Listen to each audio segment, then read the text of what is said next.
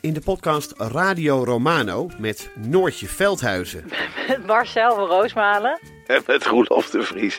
brengen we alle drie elke week een zogenaamde signalering mee. Wat heb jij nou weer bij je? En aan het eind bepalen we wie de winnaar van de week is. Echt een angstcultuur Lege huls die je er bent? Ja, dat gaat eigenlijk altijd onvriendelijk. Luister nu naar Radio Romano bij Podimo. Via podimo.nl slash Radio Romano luister je 30 dagen gratis. De strijd om de miljoenen van Siewert van Liende is losgebarsten. Zowel de staat als zijn stichting eisen de mondkapjeswinst terug. Maar dat die opbrengst in ieder geval niet thuis hoort bij Van Liende, daarover kan toch eigenlijk geen twijfel bestaan. Hoe kon het zo ver komen? Dit is het. We hebben beet. En als Siewert het geld teruggeeft, kunnen wij dit schandaal dan eindelijk loslaten?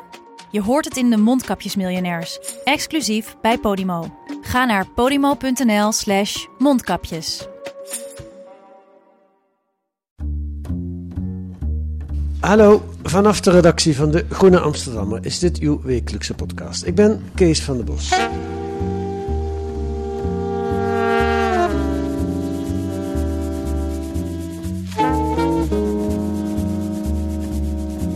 Amerika is het land van de vrijheid.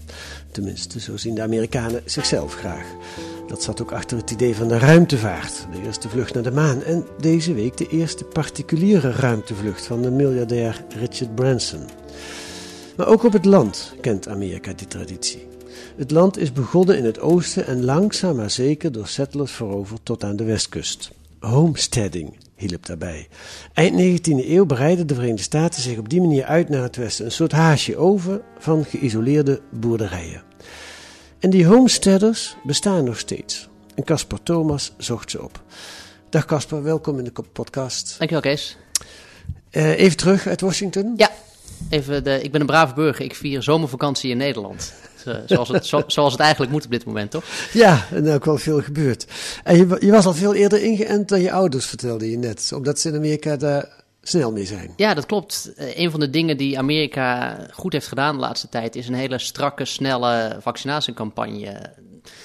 We lopen aardig in, hoor, inmiddels hier in Nederland. Maar eh, we hebben wel wat, een paar maandjes extra vrijheid eh, gekregen daar. En inderdaad, ik als eind dertiger was een stuk eerder ingeënt dan mijn ouders, schoonouders... die een leeftijdscategorie hoger zitten. Ja, En dat was, dat was wel eens verrassend. Want ik, we dachten eigenlijk dat Amerika een beetje aan het falen was in het aanpak van die pandemie.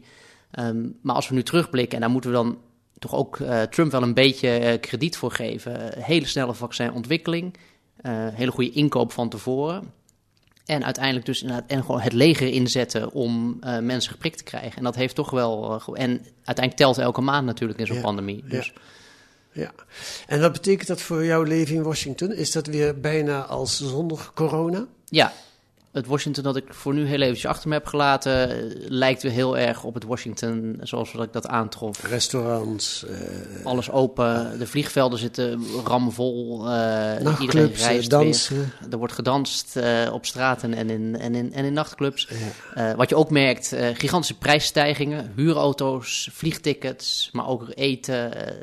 er wordt in één keer zoveel gekocht en zoveel uitgegeven dat er schaarste ontstaat. Met als gevolg dat je dus inflatie krijgt. Dus dat is weer een, een, een, een, ander probleem erbij. Oké. Ja, en het mooie is, je kunt weer reizen in Amerika zonder zorg dat je eh, jezelf of anderen blootstelt aan een, eh, aan een besmettingsgevaar. Ja. Ja. Dus die vrijheid waar je al even over sprak, die bij Amerika hoort, eh, ligt in die zin weer voor het grijpen. Nog even iets anders uit Washington. Begin dit jaar, 6 januari, de bestorming van het Capitool. Eh, nu dik een half jaar geleden. Een, een mega gebeurtenis op allerlei eh, fronten. Ehm, hoe wordt daar nu ruim een half jaar later in de Verenigde Staten op teruggekeken? Nou, dat is heel erg afhankelijk aan, aan wie je dat vraagt. Voor een deel van Amerika is dit een, een, een soort gruwelijke apotheose geweest van aanval op de democratie, die dus op een gegeven moment eh, een fysieke vorm heeft aangenomen. En voor een ander deel van Amerika is het een gebeurtenis eh, die maar eigenlijk zo gauw mogelijk vergeten moet worden en die een beetje onder het tapijt geveegd dient te worden. En het, het laat zich misschien al enigszins raden eh, waar ongeveer de scheidslijn ligt eh, tussen die twee Amerika's. Het een zit natuurlijk vooral in het, de laatste in het republikeinse kamp en het andere, dat zijn de democraten. En daarmee krijg je dus een, een samenleving die weliswaar dezelfde gebeurtenis heeft meegemaakt, dezelfde feiten, of met dezelfde feiten geconfronteerd is, Ja. maar daar volslagen anders tegenaan kijkt. En dus eigenlijk leeft in gescheiden werkelijkheden. En de Republikeinen, voor zover ze erop terugkijken, hebben de neiging om het soms te bagatelliseren. Ja, want het, het, het komt hen politiek niet zo goed uit om het hier om maar eindeloos over te hebben. Omdat het eh, onderstreept eh, dat Donald Trump een gevaar voor de democratie zou kunnen zijn. En dat wordt dus inmiddels omzwachteld eh, als je gaat spreken met eh, republikeinse kiezers die, die wat verder van Washington afwonen. Uh, dan kom je verhalen tegen als het is helemaal niet gebeurd of het waren eigenlijk democraten in de vermomming die dit hebben uitgelokt om de republikeinen in een kwaad daglicht te stellen. Zogenaamde false flag operation zoals dat heet. Dus de meest wilde verzinsels zijn er inmiddels omheen. Ja. de politieke coalitie of de, de republikeinen in Washington die, die in het congres zitten, die hebben gezegd we gaan hier verder geen onderzoek naar doen. We willen geen commissie die dit hier de onderste steen boven gaat leggen. Uh, zoals dat bijvoorbeeld bij 9-11 gedaan hebben. Wat ook een signaal is, we, we, willen het eigenlijk maar zo gauw mogelijk vergeten. Ja, ongelooflijk. Ik, ik zag vorige week uh, een documentaire op de site van de New York Times, die zij gemaakt hebben met, met opnames van de bestormers zelf, vaak. Uh, kun je, heb je die ook al gezien? Zeker, want de, wat de, de, journalistiek is wel volop bezig met ja. die gebeurtenissen reconstrueren aan de hand van sociale media berichten.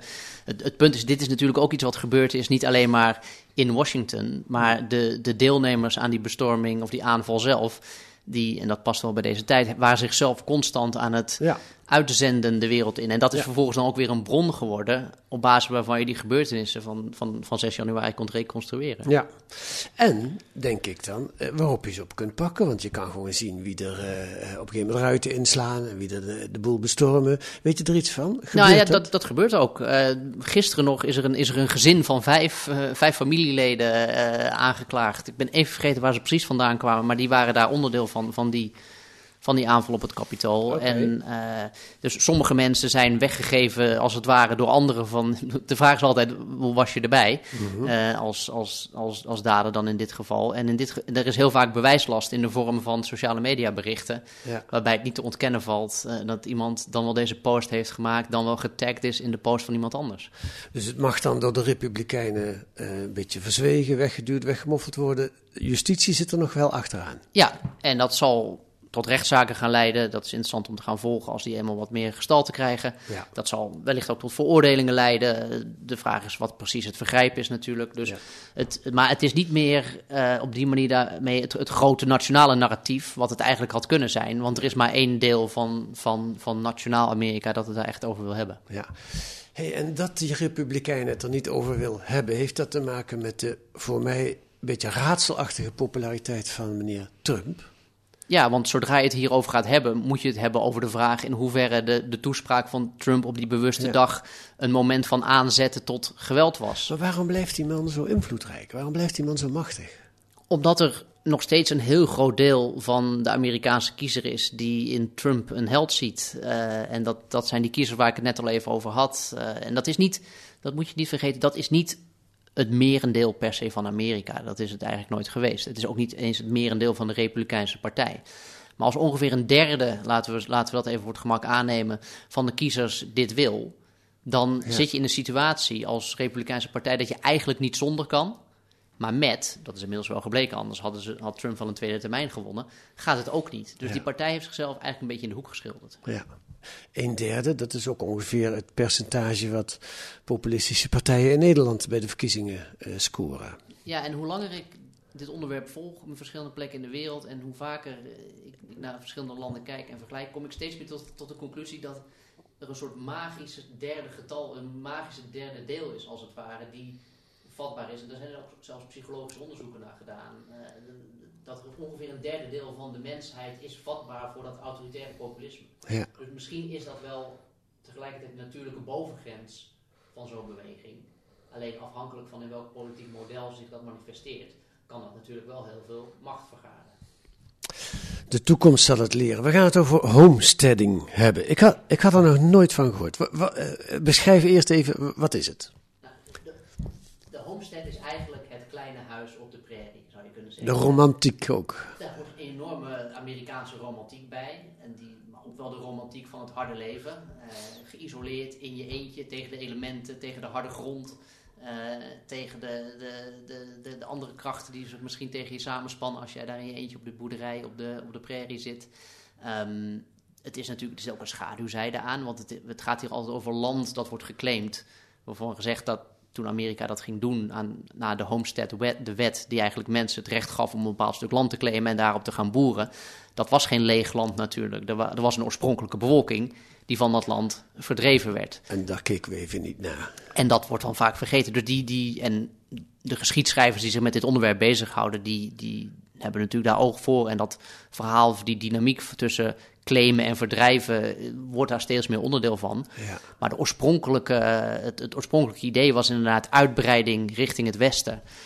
Eh, en, en de vooruitgeschoven troepen, als het ware, daarvan, dat waren eh, de dappere mensen die het eh, aandurfden om in hun eentje op, op, vanuit niks ergens te gaan beginnen, al met een boerderijtje. Eh, zijn dat de settlers? Is dat hetzelfde of is dat een ander begrip? Ja, al zou een, een bedoel, wij vertalen volgens mij settlers in Nederland met, met, met kolonisten. eh, en, en de eerste, Amer- eerste Europeanen die voet aan land hebben gezet, waren in die zin ook settlers. Ja. Eh, dus het is wel een settler mentaliteit. Ja. Dus dat, dat zeker. De Homestead Act, dus dat is een wet en die stamt uit 1862, eh, lees ik in jouw artikel van Abraham Lincoln.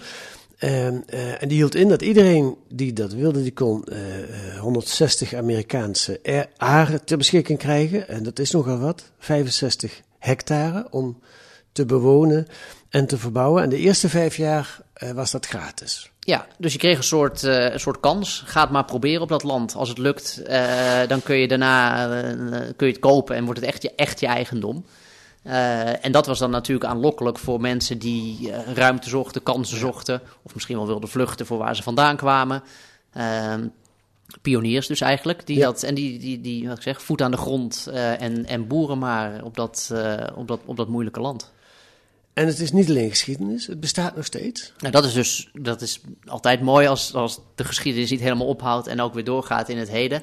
Kijk, die, die, de, de homestead mentaliteit heeft natuurlijk heeft altijd bestaan in de Verenigde Staten. Dat is typische Amerikaanse mentaliteit ook, Ja, of niet? de frontier spirit, dus het verleggen van grenzen, eh, het, het steeds verder doen opschuiven van die grenzen door steeds Ja. meer land te claimen. Ehm, maar dat, is, dat idee is niet dood, eh, ook al bestaat die homesteadwet niet meer. Er zijn nog steeds mensen die zeggen, dit is, dit is eigenlijk wat wij willen doen. En misschien om andere redenen dan dat in, in eind 19e eeuw gebeuren. Maar er zijn dus nog steeds mensen, jonge mensen, die zeggen, ik, ik probeer ergens een stuk land te claimen, te krijgen, te kopen. Eh, ik begin met niks en ik ga kijken of ik daar een zelfvoorzienend bestaan kan opbouwen. Ja, ja. Laten we eh, eh, meteen het voorbeeld bij de kop nemen. Je bent naar zo'n twee homesteaders geweest. Eh, meneer Rudd en mevrouw Sean. Spreekt het goed uit? Ja, of mensen het Sands, Saints. Ik weet niet. Sands. Ja. Ehm, beschrijf eens. Wie, wie, wie- zijn dat? Het is een jong stel.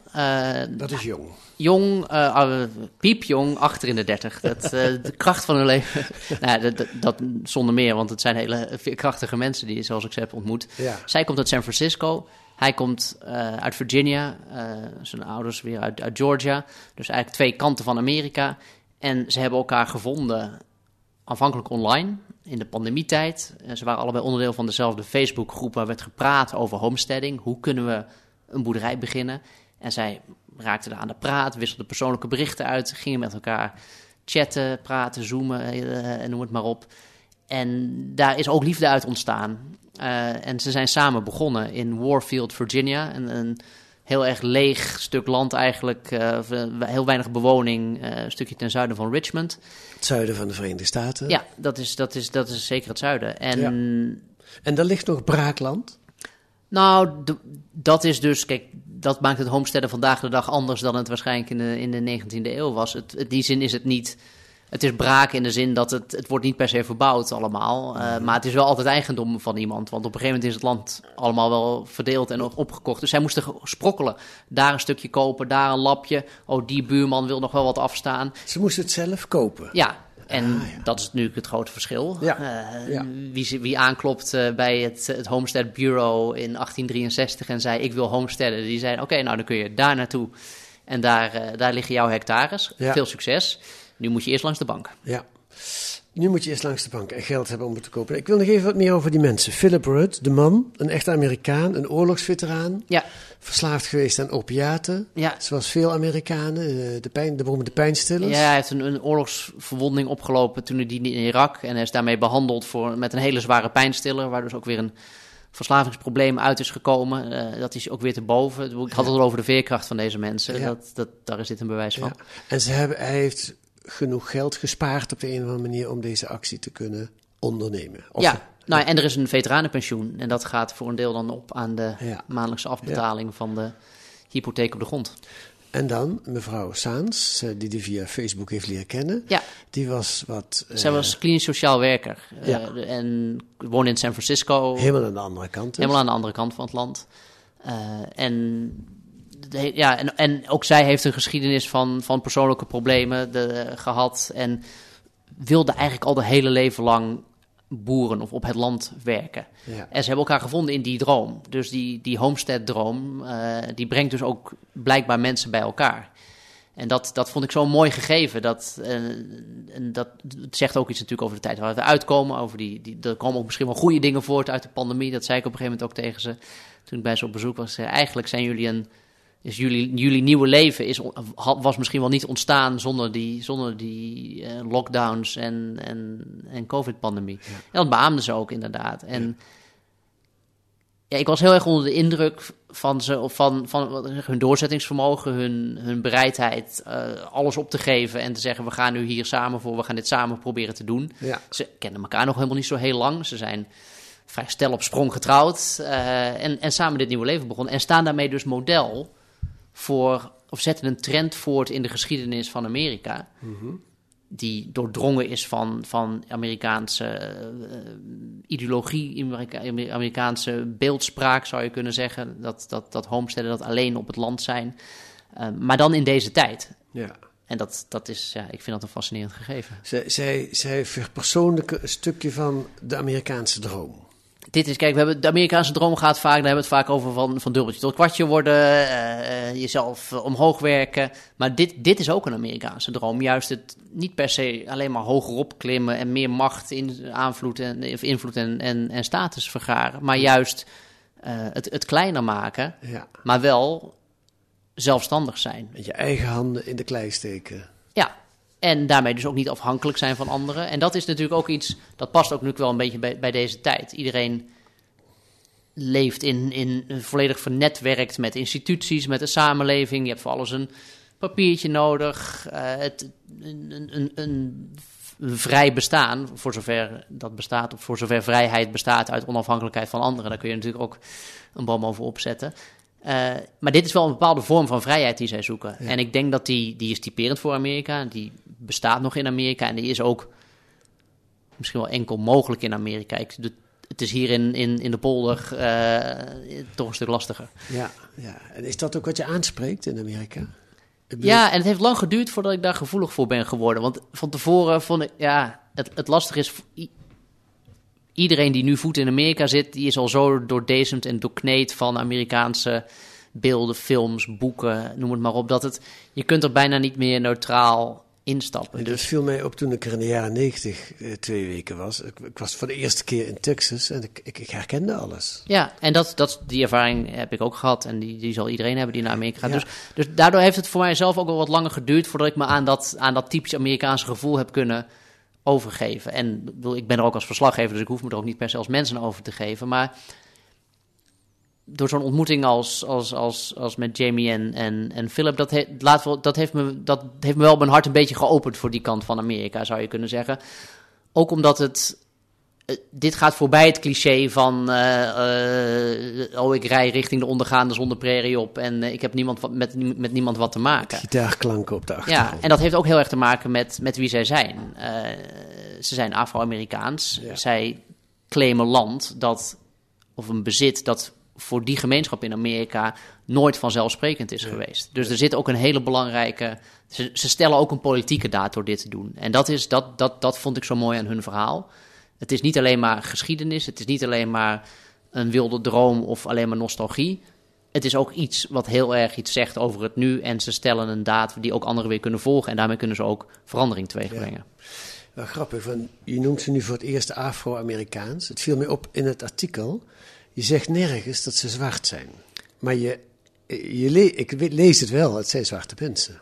Ja, en natuurlijk, er zitten ook foto's bij. Dus de, de, ja, die stonden er nog niet bij. Ja, ja jij hebt het stuk gelezen voordat uh, de Ja, groene hier eh, eh, gedrukt stond. Dus, dat, de- dus ik hoefde het in de tekst in die zin Oké, natuurlijk ook niet, niet, niet, niet bovenop Ik dacht te dat je misschien nog een andere bedoeling mee had om dat te, eh, niet expliciet zo bij te zetten.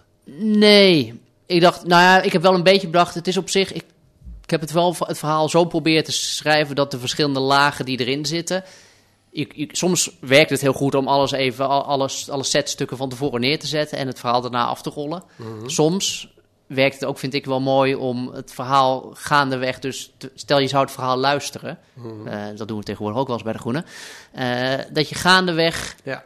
de verschillende facetten ervan. Dus ik heb ook bijvoorbeeld heel bewust hun, hun ontmoeting. Ik had, op een gegeven moment was ik dat stuk aan het schrijven. dacht ik, ik kan ook beginnen met die ontmoeting tussen hen. Online en daarna gingen ze trouwen en, en een homestead beginnen. Dacht ik, dat, is, dat zou, een, zou een heel natuurlijk begin van een stuk geweest zijn. Maar op een of andere manier wilde ik toch eerst... Ik wilde een soort gevoel proberen op te wekken. Een soort smaak proberen te op te wekken. Een soort atmosfeer proberen te creëren. En, het, en hun levensverhaal als het ware niet chronologisch vervolgens af te pellen... maar, Ja. maar langzaam stapje voor stap te introduceren... Misschien wordt het nu wat technisch allemaal. En tegelijkertijd dus die uitstapjes naar de geschiedenis te maken. Om ook te laten zien hoe zeer hun persoonlijke onderneming en hun leven verweven is met een bepaalde geschiedenis van Amerika. Ja, nou nee, ik, vind het wel, ik vond het wel mooi om dat zo te, te ontdekken, al lezende. Ik, ik blij dat ik die foto's niet had, dan had ik dat zo niet kunnen ontdekken. Ehm, wat, laten we daar eens naar kijken. Wat, wat, wat is het, de laag die er aangeboord wordt door het feit dat zij zwarte Amerikanen zijn die dit doen? Nou ja, wat ik, wat ik net al even zei, dat idee van landbezit Ja. is.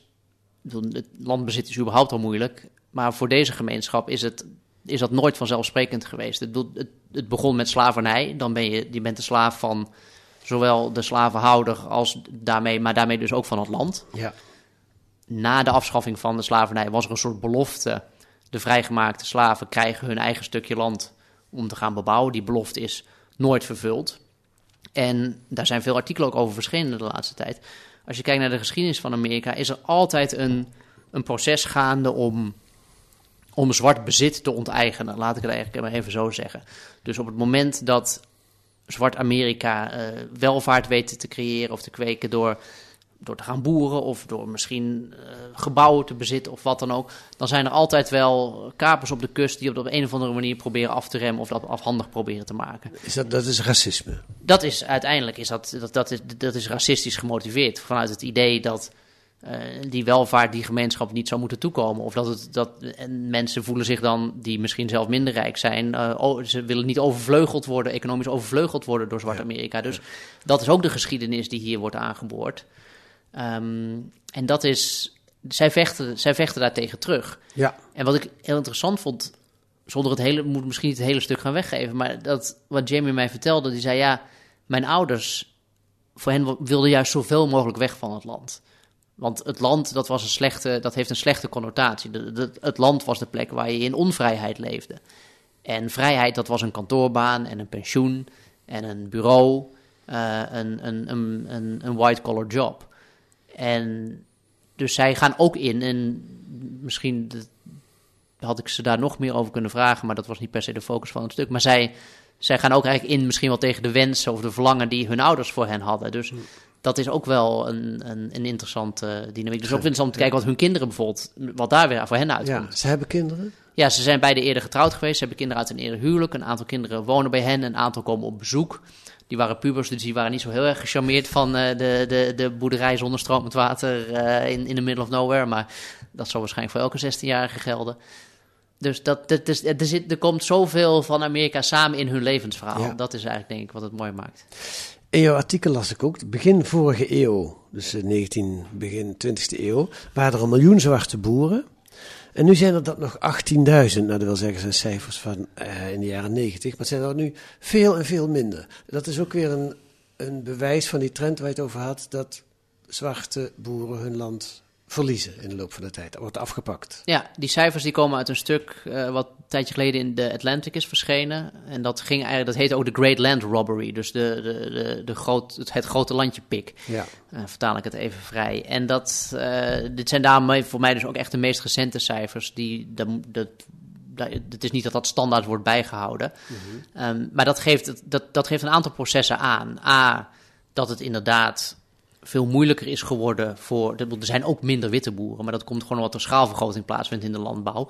Maar die schaalvergroting heeft, op, als dat zeg maar, laten we zeggen, raciaal neutraal zou zijn, zou dat tot een ongeveer gelijke mate van een vermindering van het aantal boeren, eh, of ze nou zwart of wit zijn, hebben moeten leiden. Ja. Dat is niet gebeurd. Op de een of andere manier is er veel boerenland uh, overgeheveld uh, van, van, van zwarte handen naar witte handen. Of naar grote bedrijven die over het algemeen ook weer in handen zijn van witte bestuurders en, en aandeelhouders. Dus hoe er wordt geschoven met land in Amerika, dat is, dat is niet raciaal neutraal. Nee.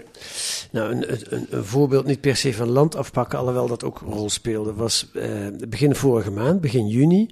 Toen was de huidige Amerikaanse president Joe Biden op bezoek in Tulsa, Oklahoma, om de racistische massamoord van 100 jaar geleden te herdenken.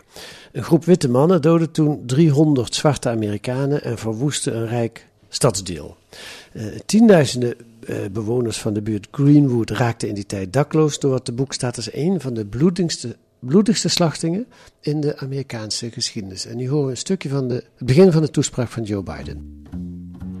The events we speak of today took place 100 years ago, and yet I'm the first president in 100 years ever to come to Tulsa. And this,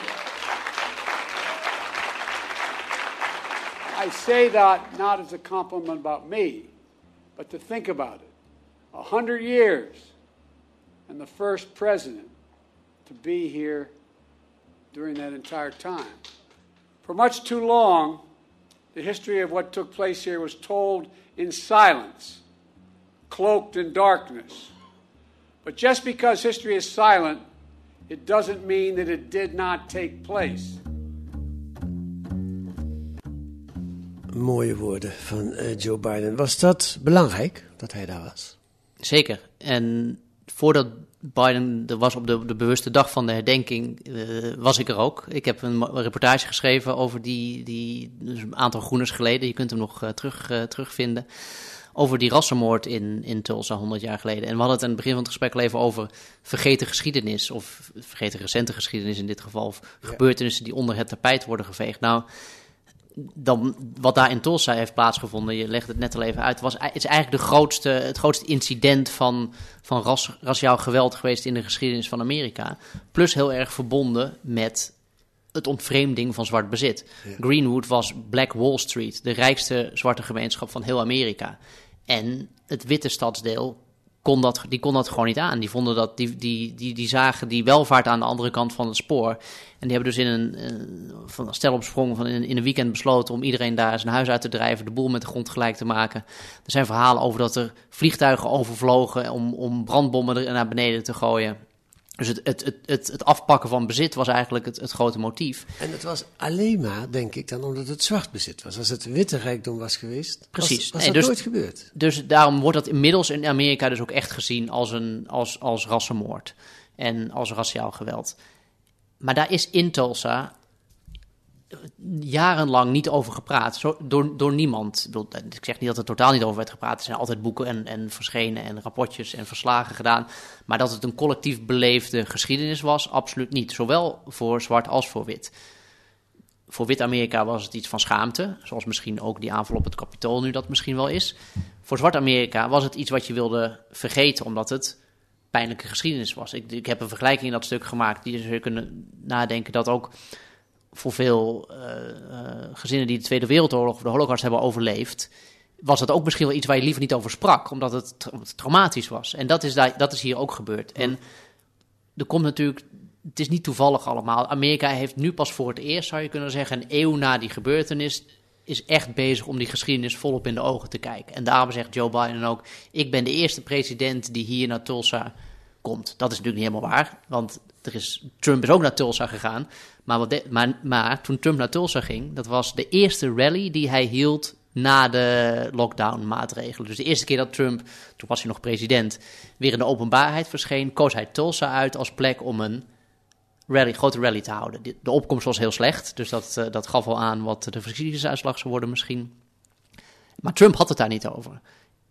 Terwijl iedereen, of eh, veel mensen toch wel op een uh, klompen aanvoelen dat Trump Tulsa niet zonder reden koos. Die, die, koos waarschijnlijk, die koos Tulsa juist vanwege die plek, omdat het ook wel weer staat voor eh, juist iets waar je eigenlijk inderdaad je, je macht laat gelden door het er niet over te hebben, Ja. als je snapt wat ik bedoel. Het is een beetje een verkiezingsbijeenkomst in Auschwitz organiseren zonder het over de holocaust te hebben. Ja, al denk ik gelukkig dat het niemand dat ooit in zijn hoofd zal halen. Maar, om even, maar dat, dat, Nou, dat, dat deed Trump in Tulsa.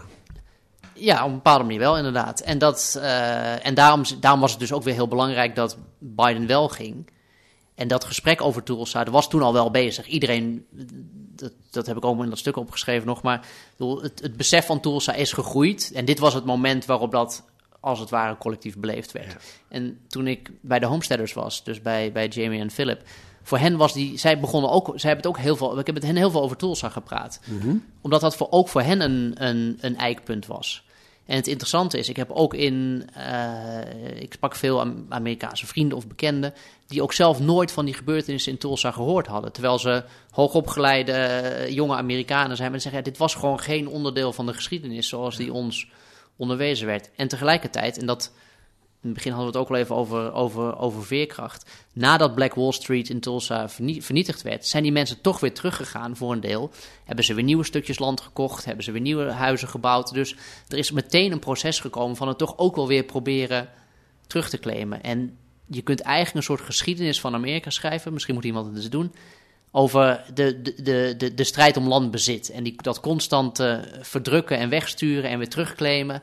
Die dynamiek die is, die is eigenlijk permanent gaande. Ja, en dat is ook een verhaal, over, zou dat worden over veerkracht. Ja, dat, dat, want bedoel, ga er maar aan staan. Ja. Nou, laten we daar eens kijken. Tot, tot slot, Philip en Jimmy Kwan. Spreek ik dat goed uit? Ja. Eh, dus de twee homesteaders die je bezocht hebt, gaan ze het redden? Goeie vraag. Ik denk dat het heel lastig wordt. Maar dat, zal, dat heeft voor iedere homesteader eh, gegold. Dat, eh, eh, het, het land is zwaar. De verdiensten zijn onzeker. Je moet altijd door hoepeltjes springen tegenwoordig voor permits. En, en dus de autoriteiten moeten een beetje meewerken. En de bank klomp- klopt elke maand op de deur voor de maandelijkse eh, afbetaling. Dus ze gaan het, ik, ik weet het niet. Ze zijn net begonnen. Ik, ik hoop dat ik ze over een paar jaar weer kan opzoeken. En dat daar een bloeiende homestead, eh, bloei- bloeiende homestead staat. Ja, dat zou heel mooi zijn. Ja, maar het zou, eh, als ik, ik hoor in je woorden dat je ook toch een beetje angstig bent dat ze het niet gaan redden. Ja, al, al was het maar omdat de geschiedenis eh, ook leert dat ondanks alle homesteading romantiek eh, het ze het vaker niet haalden dan wel. Lees dat in de goede. Dankjewel Casper Thomas voor dit gesprek. Dankjewel.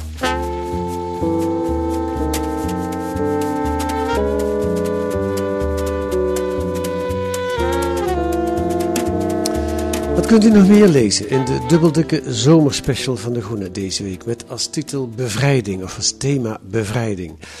Een reportage over de snel groeiende beweging van herenboerderijen. Burgers en boeren bewerken hier samen het land van hun biologische circulaire boerderij en zetten zo de supermarkt buitenspel. Nou, het lijkt wel een soort Nederlandse homesteading, maar dan toch weer anders.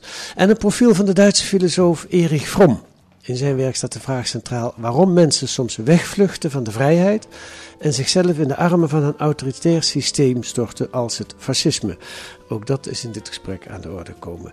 U kunt dat allemaal lezen met een abonnement of een proefabonnement. Ga dan naar groene.nl, daar wordt u dat allemaal keurig uitgelegd. U kunt reageren, vragen, opmerkingen naar een e-mail naar podcast.groene.nl. U kunt in de podcast-app ons ook sterren geven als u wil dat nog meer mensen naar deze podcast gaan luisteren. Eh, dat helpt daarbij. Volgende week zijn we er weer met eh, achtergronden en analyses bij het nieuws in de podcast van de Groene Amsterdammer, die deze week werd gemaakt door Simon de Kweker en Kees van der Bos. En de muziek is A Tune for N van Paul van Kemenade.